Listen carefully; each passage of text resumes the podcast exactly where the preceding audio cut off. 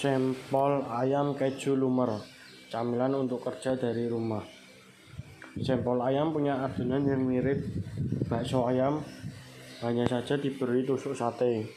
Cara membuat sempol ayam sangat mudah. Kamu juga bisa membuat berbagai kreasi isian. Sempol bisa dicampur cabai rawit, diisi sosis, atau ditaburi Italian herb. Berikut resep sempolan ayam di sajian sedap yang dimodifikasi dengan tambahan keju mozzarella atau quick mac. Sajikan sempol ayam dengan saus sambal agar semakin nikmat. Resep sempol ayam keju lumer.